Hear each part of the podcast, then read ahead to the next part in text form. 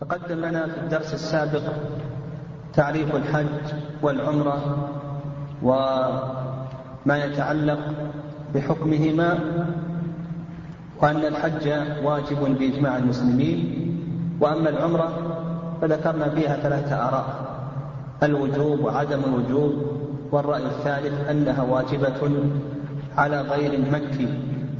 وتكلمنا أيضا عن شروط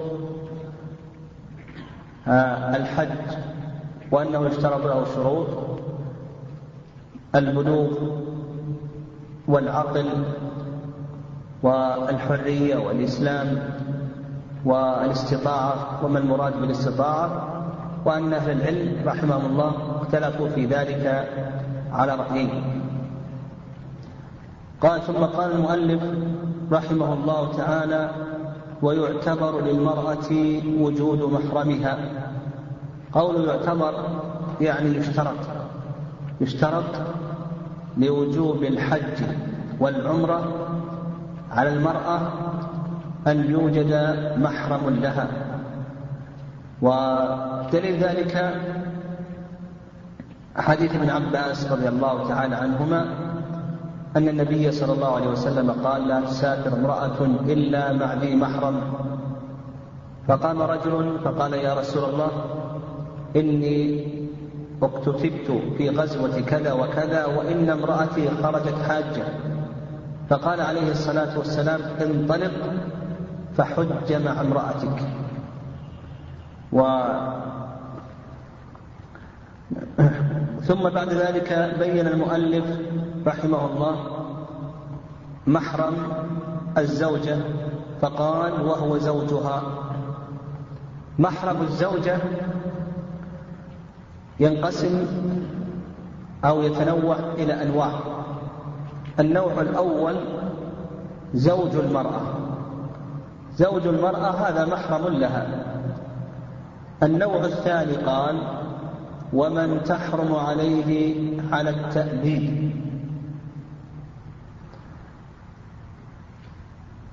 قلنا النوع الأول الزوج كما دلت لذلك السنة فإن النبي صلى الله عليه وسلم قال إلا مع زوجها أو مع ذي محرم. النوع الثاني من تحرم عليه على التأبيد بنسب. ومن تحرم عليه المرأة على التأبيد بنسب هم سبعة. سبعة. الأول أبو الزوجة والثاني ابن الزوجة أبو نعم أبو المرأة. أبو المرأة وإن علم. جدها جد جدها إلى آخره. هذا محرم لها. الثاني ابنها وإن نزل. ابنها وابن ابنها وابن بنتها إلى آخره. والثالث أخوها من أي جهة؟ سواء كان أخا شقيقا أو من جهة الأب أو من جهة الأم. والرابع عمها. مطلقا سواء كان عما لأب أو عما لأم أو عما شقيقا. والخامس خالها أيضا مطلقا سواء كان لأب أو لأم أو شقيقا. والسادس ابن أخيها. وإن نزل يعني ابن أخيها وابن ابنه وابن بنته إلى آخره. والسادس ابن أختها وإن نزل سابقا ابن أختها وإن نزل. هذا يحرم على المرأة هؤلاء السبعة يحرمون على المرأة على التأبيد بنسب قال بنسب أو السبب المباح. ما ذكر المؤلف رحمه الله المصاهرة. نعم المصاهرة القسم النوع الثالث. من يحرمون على المرأة على التأبيد بسبب المصاهرة. نعم بسبب المصاهرة. وهذا يشمل ابن زوج المرأة. ابن زوج المرأة. فإنه يحرم على على زوجة أبيه. هذا الإبن زوجة أبيه محرمة عليه بالإجماع. آه، والتحريم هذا بمجرد العقد. فيكون محرما لزوجة أبيه. الثاني الثاني آه، أبو آه، نعم الثاني أبو. زوج المرأة أبو زوج المرأة وهذا أيضا محرم بالإجماع ويكون محرما بمجرد العقد. يعني بمجرد العقد يكون محرما. الثالث آه، آه، زوج الأم.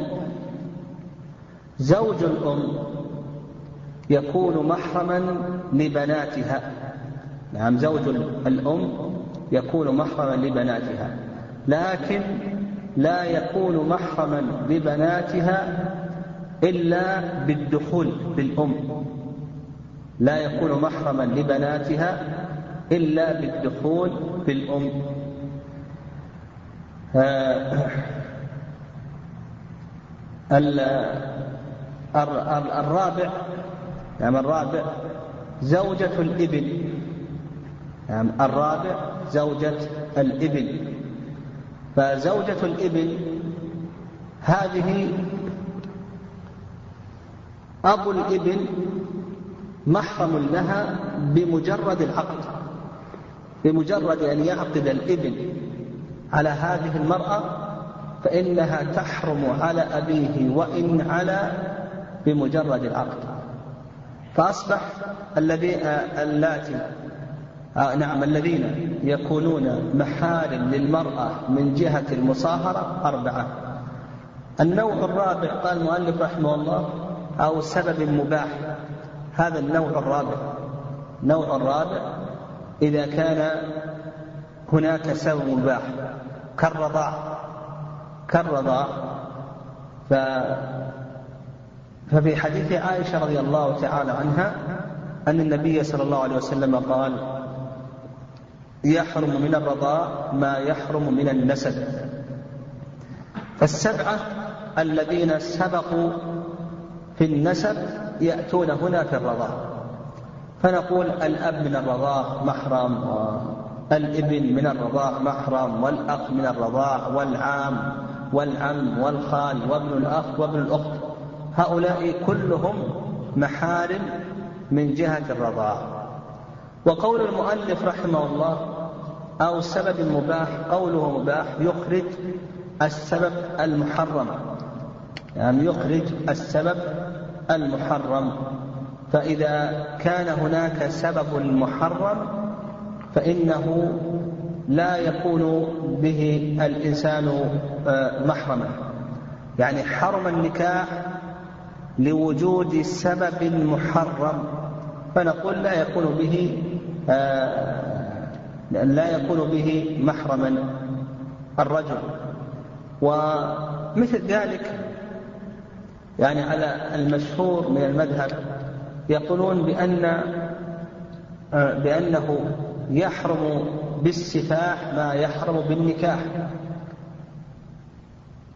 فإذا زنى بامرأة إذا زنى بامرأة فإنه يحرم عليه بنتها ويحرم عليه أمها كما لو عقد على هذه المرأة.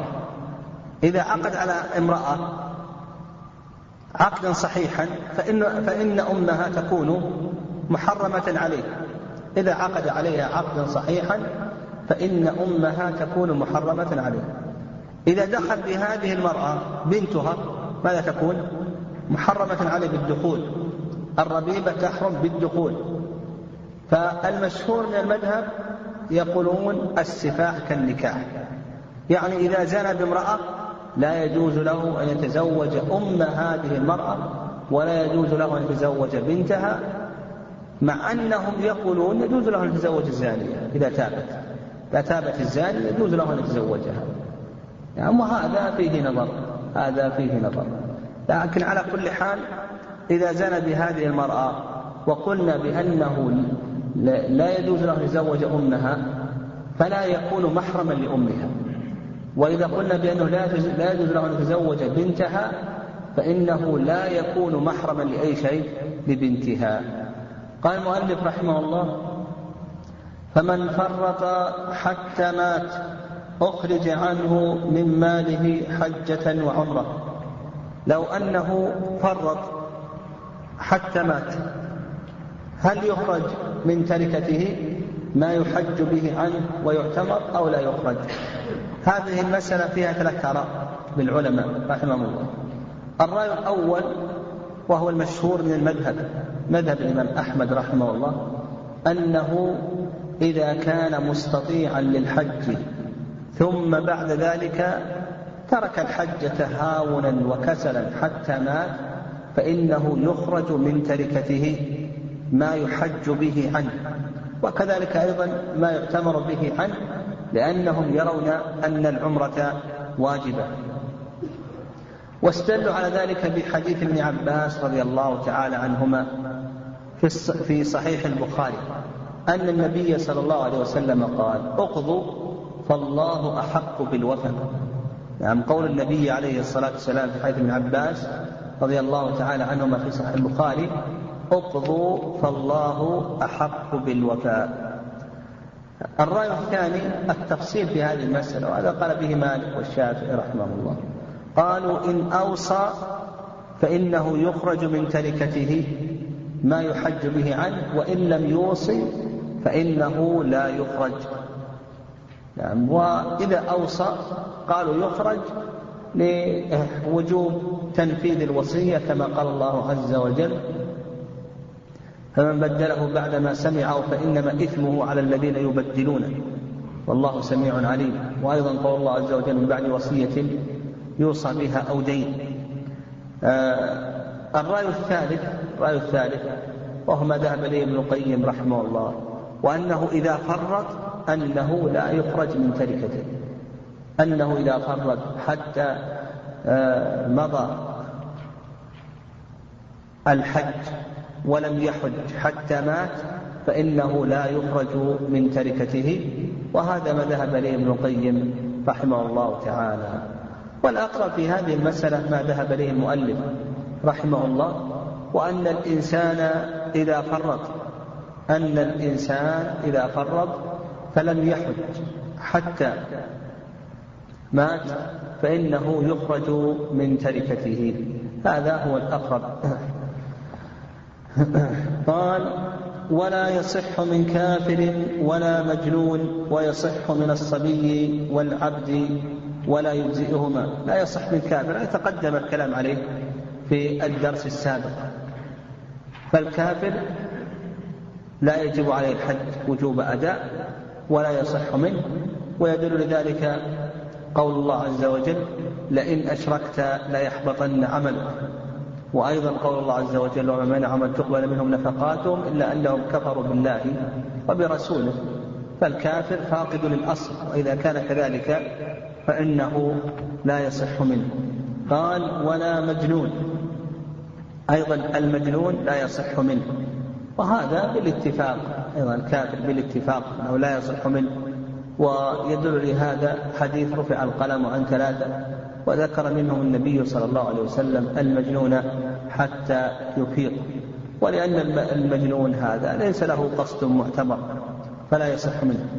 قال ويصح من الصبي والعبد ولا يجزئهما. لو أن الصبي حج فإن حجه صحيح. ويدل لذلك حديث ابن عباس رضي الله تعالى عنهما. نعم حديث ابن عباس رضي الله تعالى عنهما أن امرأة رفعت صبيا للنبي صلى الله عليه وسلم فقالت ألي هذا حج؟ قال نعم ولك أجر. و ولا يجزئه ذلك عن حجة الإسلام. فإذا بلغ فعليه أن يحج حجة أخرى.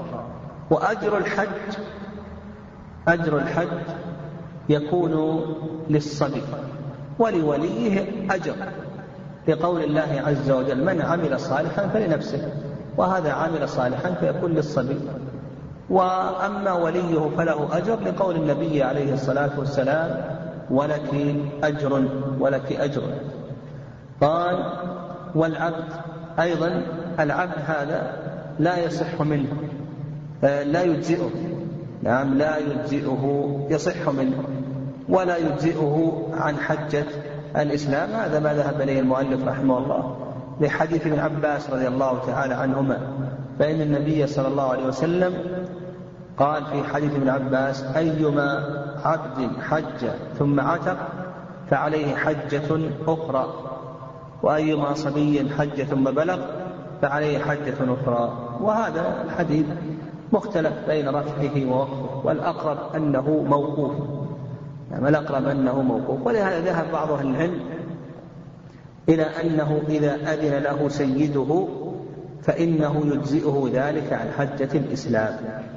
إذا أذن له سيده الرقيق فإن ذلك يجزئه عن حجة الإسلام. قال المؤلف ويصح من غير المستطيع والمرأة بغير محرم. إذا كان إنسان غير مستطيع لا يجب عليه الحج. تقدم لنا تفسير الاستطاعة. تقدم ذكرنا تفسير الاستطاعة. فإذا كان غير مستطيع فإن حجه آه نعم غير واجب لا يجب عليه. لكن لو أن هذا الشخص ذهب وتكلف وغير مستطيع وحج فنقول بأن حجه صحيح ويبرئه ذلك يجزئه ذلك عن حدث الإسلام وتبرأ ذمته لأنه أتى بالحج بشروطه وأركانه وواجباته. ثم قال المؤلف والمرأة بغير محرم. أيضا المرأة كما سلف آه، المرأة كما سلف لا لا يجب عليها الحج إلا مع وجود محرم. فلو أنها ذهبت وسافرت بلا محرم فنقول بأن حجها صحيح ويجزئها ذلك عن حدث الإسلام لكنها تأثم لكونها تركت السفر بلا محرم. قل بأنها تأثم لكونها تركت السفر بلا محرم.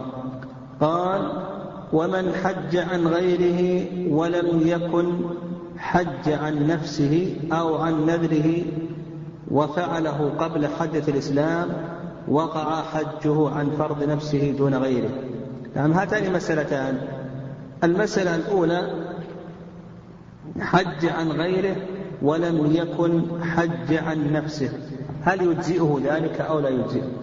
هذا شخص حج عن أبيه مثلا أو حج عن أمه ولم يكن حج عن نفسه. هل يجزئه ذلك؟ هل نقول بأن الحج يكون له أو يكون الحج لمن استناب عنه؟ هذا فيه رأيان للعلماء رحمهم الله. فالمذهب كما ذهب إليه المؤلف رحمه الله وهو قول أبي حنيفة أن هذه الحجة تكون عن نفسه فإذا لبى عن أبيه وهو لم يحج عن نفسه تنقلب هذه الحجة لمن؟ ها؟ لنفسه تنقلب هذه الحجة لنفسه فإذا قال لبيك عن أبي وحج إلى آخره قالوا بأنها تكون عن نفس الحاج ولا تكون عن من حج عنه. واستدلوا على ذلك بحديث ابن عباس رضي الله تعالى عنهما أن النبي صلى الله عليه وسلم سمع رجلا يلبي عن شبرمة لبيك عن شبرمة. فقال النبي صلى الله عليه وسلم من شبرمة؟ قال أخ أو قريب لي. فقال النبي صلى الله عليه وسلم هذه عن نفسك. ثم حج عن شبرمة. قال النبي عليه الصلاة والسلام هذه عن نفسك. ثم حج عن شبرمة. فقال النبي صلى الله عليه وسلم هذه عن نفسك. مع أنه لب عن من؟ عن شبرمة. فقال النبي صلى الله عليه وسلم هذه عن نفسك. وحج عن شبرمة. فدل ذلك على أن الإنسان إذا لبى عن غيره وهو لم يحج عن نفسه فإن الحجة تكون عن الملبي. والرأي الثاني رأي مالك والشافعي أن هذه الحجة تكون عن الشخص الذي استنيب عنه الذي حج عنه. فمثلا لو حج عن أبيه وهو لم يحج عن نفسه فإنه يقع عن أبيه ثم يحج عن نفسه بعد ذلك. واستدلوا على ذلك بقصة الخثعمية قصة الخثعمية كما في الصحيحين التي جاءت تسأل النبي صلى الله عليه وسلم عن حجها عن أبيها وذكرت أن أباها أدركته فريضة الله في الحج شيخا كبيرا لا يستطيع أن يثبت على الراحلة أبا حج عنه فقال النبي صلى الله عليه وسلم حجي عنه ولم يسأل النبي صلى الله عليه وسلم هل حجت عن نفسها؟ أو لم تحج عن نفسها. وأيضا يدل لذلك ما في الصحيحين من حديث عمر رضي الله تعالى عنهما أن النبي صلى الله عليه وسلم قال إنما الأعمال إنما الأعمال بالنيات. وهذا الشخص إنما نوى عن ذلك الشخص ولم ينوي عن نفسه. يعني نوى عن ذلك الشخص ولم ينوي عن نفسه. وهذا القول هو الأقرب. يعني هذا القول؟ هو الأقرب. اللهم إلا إن ثبت حديث ابن عباس في قصة شبرمة. إن ثبت حديث ابن عباس في قصة شبرمة لأن حديث ابن عباس في قصة شبرمة بعض العلم يرفعه بعضهم يقف ولا يصححه مرفوعا. بعض الأئمة لا يصححونه مرفوعا. فإن ثبت الحديث قيل به. وإن لم يثبت مرفوعا للنبي صلى الله عليه وسلم فما ذهب إليه مالك والشافعي هذا يكون أقرب. أيضا المسألة الثانية قال المؤلف آه، آه، ولم يكن حج عن نفسه أو عن نذره وفعله قبل حجة الإسلام وقع عن فرض نفسه دون غيره. أيضا المسألة الثانية هذا رجل هذا رجل حج نذرا. هو عليه حجة الإسلام الفريضة. عليه حجة الإسلام الفريضة. وعليه حجة منذورة. عليه حجة الإسلام الفريضة وعليه حجة منذورة. فحج عن هذا النذر. هل يجزئه ذلك عن حجة النذر؟ أو نقول بأن هذه الحجة تكون عن حجة الإسلام ثم بعد ذلك يحج عن النذر. مثله أيضا ما أشار إليه المؤلف رحمه الله. نعم. قال ولم يكن حج عن نفسه أو عن نذره. إلى آخره. هذه المسألة فيها رأيان العلماء رحمه الله. صورتها كما تقدم. رجل لم يحج حجة الإسلام وعليه حجة منذورة ثم شرع في الحج المنذور هل نقول بأنه ينقلب إلى حجة الإسلام؟ أو نقول بأنه يكون عن حج هذه الحجة المنذورة ثم يحج حجة الإسلام؟ هذا فيه هذه المسألة فيها رأيان العلماء رحمهم الله. الرأي الأول مذهب أحمد وأبي حنيفة أن هذه الحجة تنقلب عن حجة الإسلام كما تقدم. والرأي الثاني رأي مالك والشافعي. الرأي الثاني رأي مالك والشافعي أن هذه الحجة تكون عن حجة النذر ثم بعد ذلك يحج عن حجة الإسلام. و آه، نعم. ولا الدليل كما تقدم في المسألة السابقة. قال قال رحمه الله باب المواقيت. المواقيت جمع ميقات. وهو في اللغة الحد. المواقيت جمع ميقات وهو في اللغة الحد. وأما في الاصطلاح فهو زمان العبادة ومكانها. في الاصطلاح زمان العبادة ومكانها. وعلى هذا يكون قول المؤلف رحمه الله باب المواقيت. يكون المراد بذلك أزمنة العبادة وأمكنتها. فأراد المؤلف رحمه الله في هذا أن يبين زمان الحج ومكانه إلى آخره. زمان الإحرام في الحج ومكان الإحرام. وزمان الإحرام بالعمرة مكان الإحرام بالعمرة كما سيأتي. قال وميقات أهل المدينة ذو الحليفة. آه، المواقيت تنقسم إلى قسمين. القسم الأول مواقيت مكانية والقسم الثاني مواقيت زمانية. وبدأ المؤلف رحمه الله بمواقيت الحج. يعني بدأ المؤلف رحمه الله بمواقيت الحج وهي المواقيت المكانية وسيأتي إن شاء الله ما يتعلق بالمواقيت الزمانية.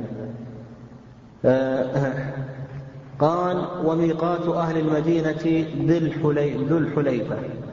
ابتدأ المؤلف رحمه الله بميقات أهل المدينة ذي الحليفة اتباعا للنص الوارد. فإن في حديث ابن عباس رضي الله تعالى عنهما أن النبي صلى الله عليه وسلم قال يهل أهل المدينة من ذي الحليفة. يهل أهل المدينة من ذي الحليفة. وميقات ذي الحليفة هو أبعد المواقيت. يعني ميقات ذي الحليفة هو أبعد المواقيت عن مكة. والحليفة تصدير الحلفة وهو شجر في ذلك المكان. يعني شجر في ذلك المكان سمي هذا المكان باسم ذلك الشجر. قال ميقات أهل مدينة ذي الحليفة وأهل الشام والمغرب ومصر الجحفة. أهل الشام والمغرب ومصر يحرمون من الجحفة. والجحفة هذه قرية خربة سميت بهذا الاسم. قيل لأن السيل السيل المطر اجتحفها وهجرت والنبي صلى الله عليه وسلم لما قدم المدينة آه، كانت محمومة فأصاب الصحابة رضي الله تعالى عنهم شيء من حماها. فدعا النبي صلى الله عليه وسلم أن يحبب إليه وإلى الصحابة المدينة وأن ينقل حماها إلى الجحفة وكانت الجحفة في ذلك الزمن يسكنها اليهود. فاستجاب الله عز وجل دعوة نبيه محمد صلى الله عليه وسلم فنقلت حماها إلى الجحفة ثم بعد ذلك زال عنها الحمى زال عنها الحمى بزوال اليهود. وكان الناس يحرمون من رابغ العلماء يقولون لما كانت هذه آه، قرية اندثرت وخربت واجتحفها السيل إلى آخره أصبح الناس يحرمون من رابغ فرابغ هذه المدينة معروفة كبيرة وهي قبل الجحفة بشيء يسير. والآن الجحفة بني فيها ميقات. الآن الجحفة بني فيها ميقات ومسجد إلى آخره. فأصبح الناس الآن يحرمون من الجحفة. قال واليمن يلملم. ويقال ألملم ويرمرم. وهو اسم جبل هناك. نعم اليمن يلملم ويقال ألملم ويرمرم. وهو اسم جبل هناك. قال ولنجد قرن يعني قرن المنازل قرن المنازل والقرن هو الجبل. القرن هو الجبل جبل أحمر هناك. وسمي جبل أحمر هناك. وسمي الوادي الذي فيه ذلك الجبل باسم ذلك الجبل. قرن اسم للجبل. جبل أحمر هناك. الوادي الذي يحرم منه سمي باسم ذلك الجبل. فقيل قرن المنازل. قرن المنازل. وهو ما يسمى بالسيل الكبير. يسمى بالسيل الكبير. يحرم منه أهل نجد. وعلى محاذاته وادي محرم من جهة من جهة الطائف. و قال وللمشرق ذات عرق. للمشرق ذات عرق. والعرق هو الجبل الصغير. نعم الجبل الصغير. فأهل المشرق يحرمون من ذات عرق. وذات عرق ذات عرق اختلف فيها العلم رحمه الله. ما الذي وقتها؟ هل الذي وقتها النبي صلى الله عليه وسلم أو الذي وقتها عمر؟ في ذلك رأيان العلماء رحمهم الله. ففي حديث جابر حديث عائشة أن الذي وقت ذات عرق هو النبي صلى الله عليه وسلم.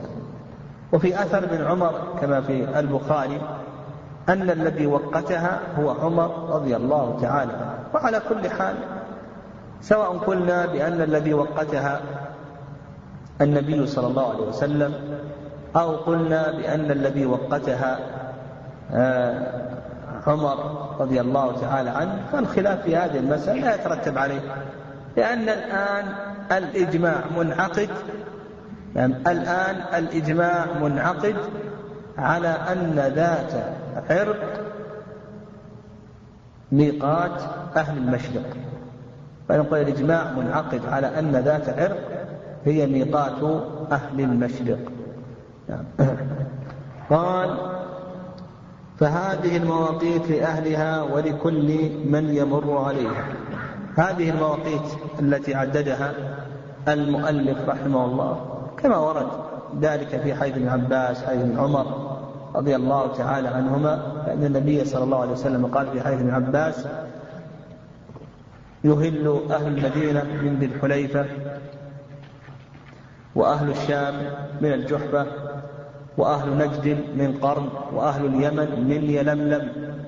هن لهن ولمن أتى عليهن من غير أهلهن ممن أراد الحج أو العمرة. قال قال فهذه المواقيت لأهلها ولكل من يمر عليها لكل من يمر عليها.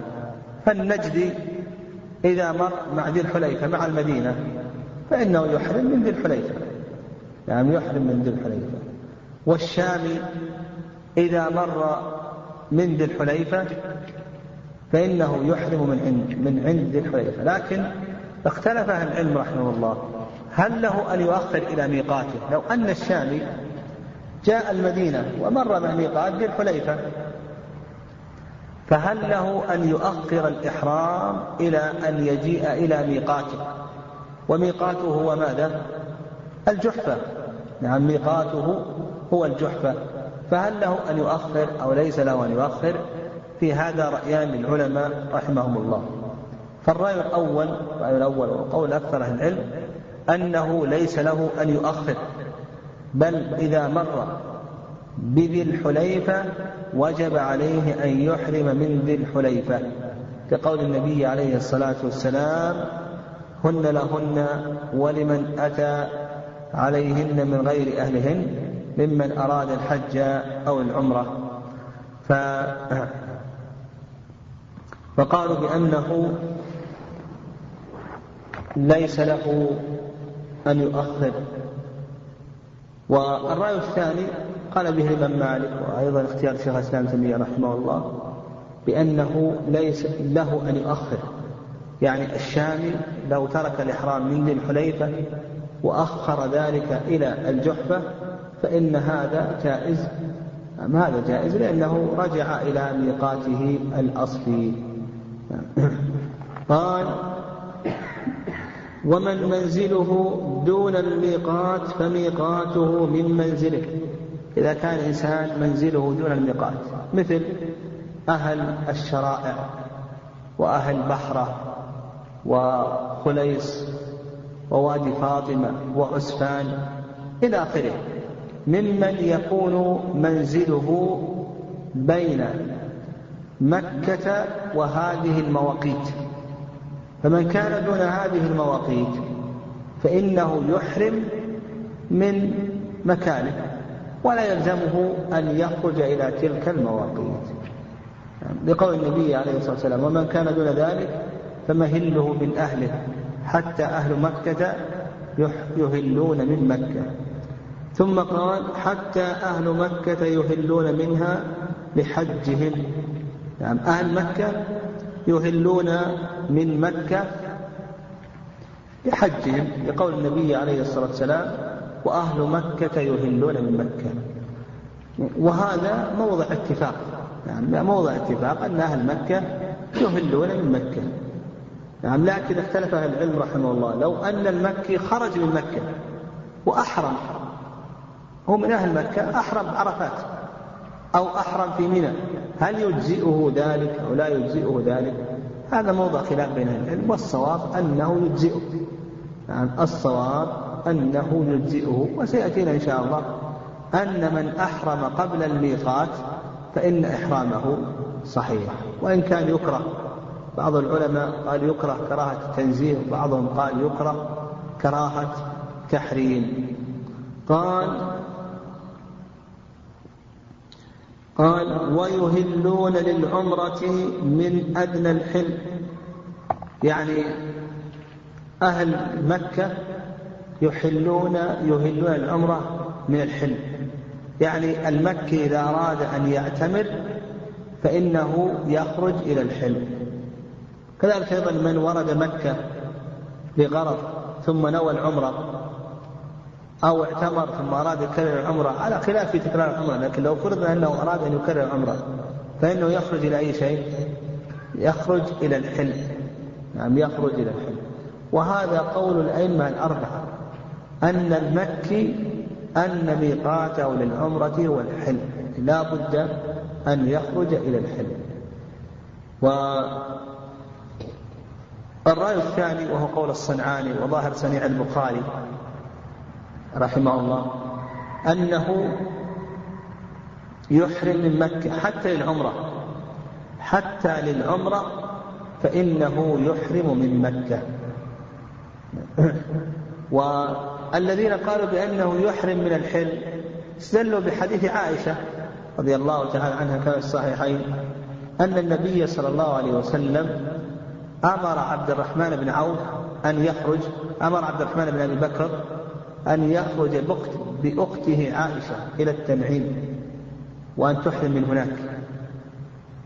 وهذا دليل على أن المكي يحرم من أي شيء من الحل والذين قالوا بأنه يحرم للعمرة من مكة استدلوا على ذلك بحديث ابن عباس حتى أهل مكة يهلون منها حتى أهل مكة يهلون منها.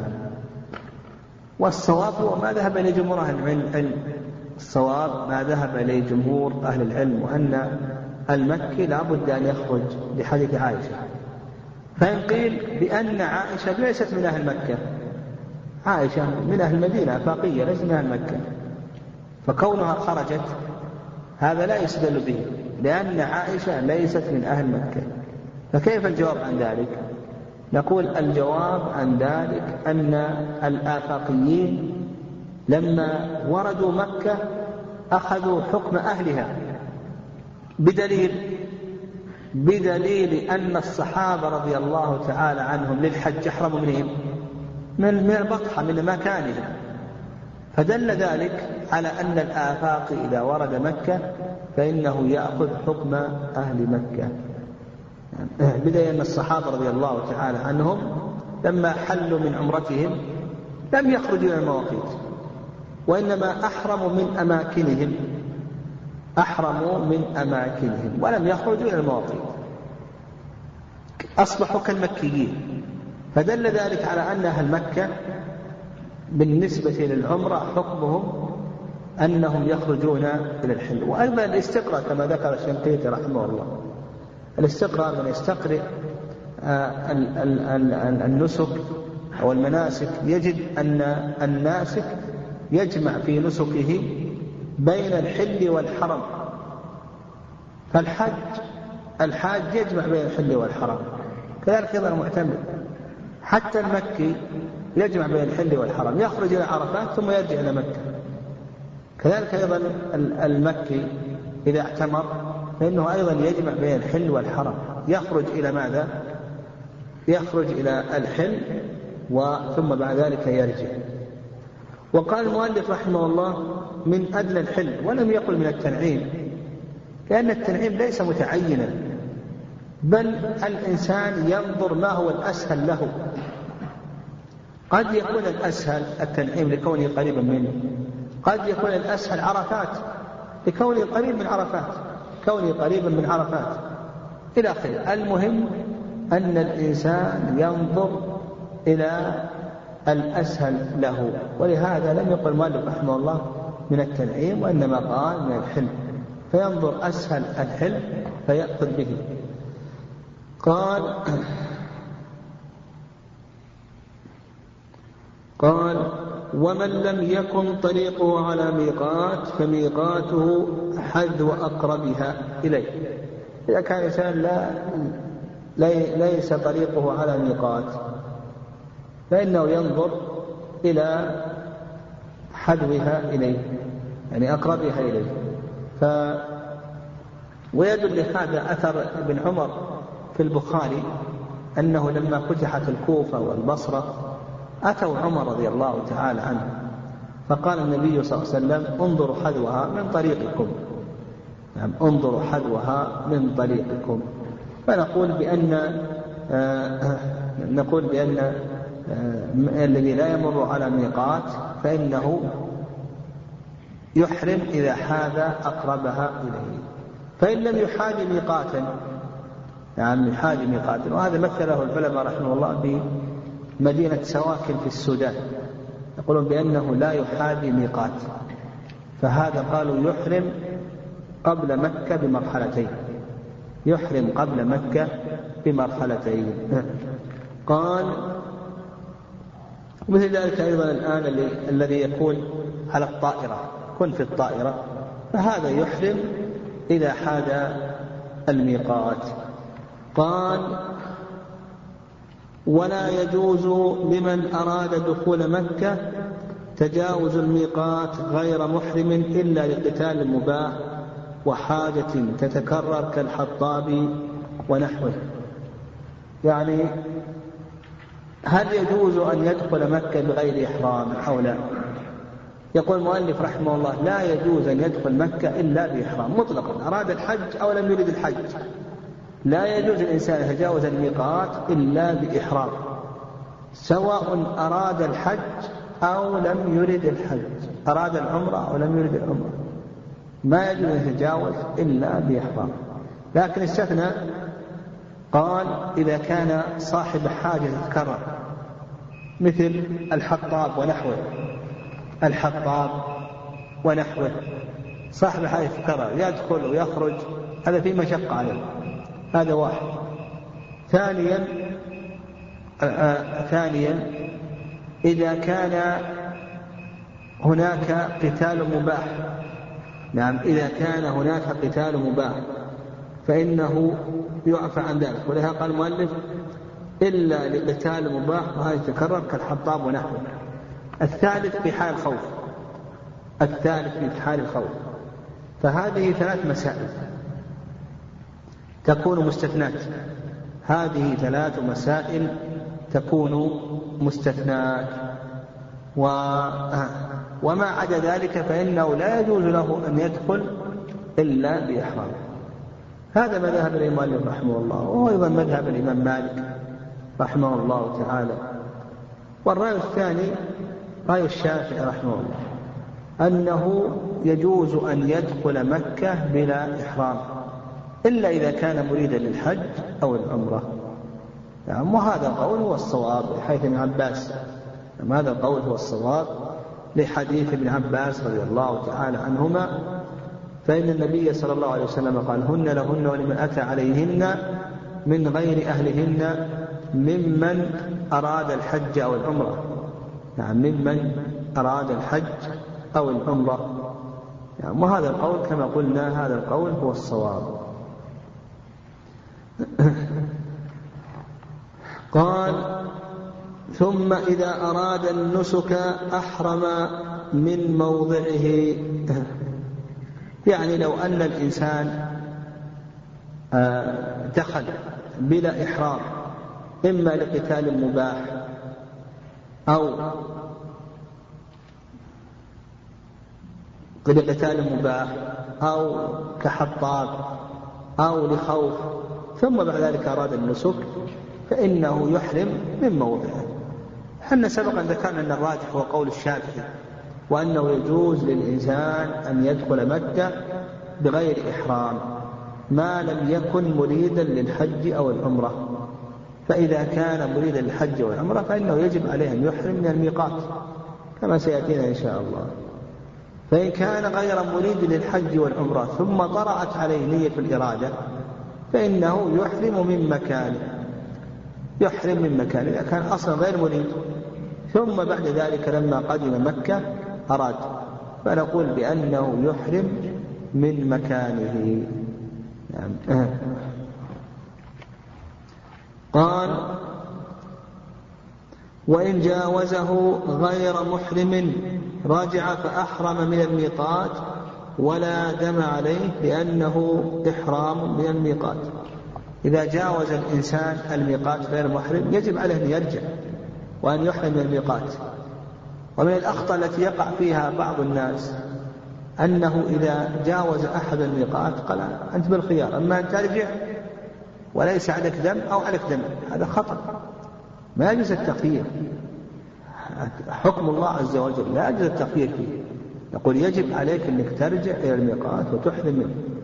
لو أنه أحرم من موضعه هنا يقال بأنه عليه دم كما ذكر جمهور أهل العلم رحمهم الله.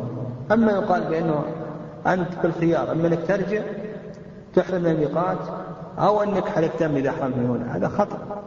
بل يقال يجب عليك أنك ترجع لأن الإحرام من الميقات حكمه ماذا؟ حكمه واجب. وحيث ابن عباس يهل أهل المدينة يعني ليهل. هذا خبر بمعنى الأمر أي ليهل أهل المدينة وأيضا حديث ابن عمر صريح. فرض رسول الله صلى الله عليه وسلم لأهل نجد قرنا. فرض رسول الله صلى الله عليه وسلم. فرض. هذا يدل على ماذا؟ على الوجوب وأن الإنسان يجب عليه أن يحرم أن يحرم من الميقات. قال وإن نعم. فإن أحرم من دونه فعليه دم سواء رجع إلى الميقات أو لم يرجع. نعم. إذا أحرم من دونه يعني دون المواقيت فهذا آه، عليه دم يعني هذا عليه دم وهذا سيأتينا إن شاء الله لأنه ترك واجبا من واجبات الحج. لكن الأصل أنه يجب عليه أن يرجع. لكن لو لم يرجع فنقول بأن عليه دم كحكم مضعي وأيضا عليه التوبة كحكم تكليفي لأنه آثم يعني هذا الذي أحرم من دون الميقات ترك واجبا فعليه أن يتوب إلى الله عز وجل. أن يتوب إلى الله عز وجل.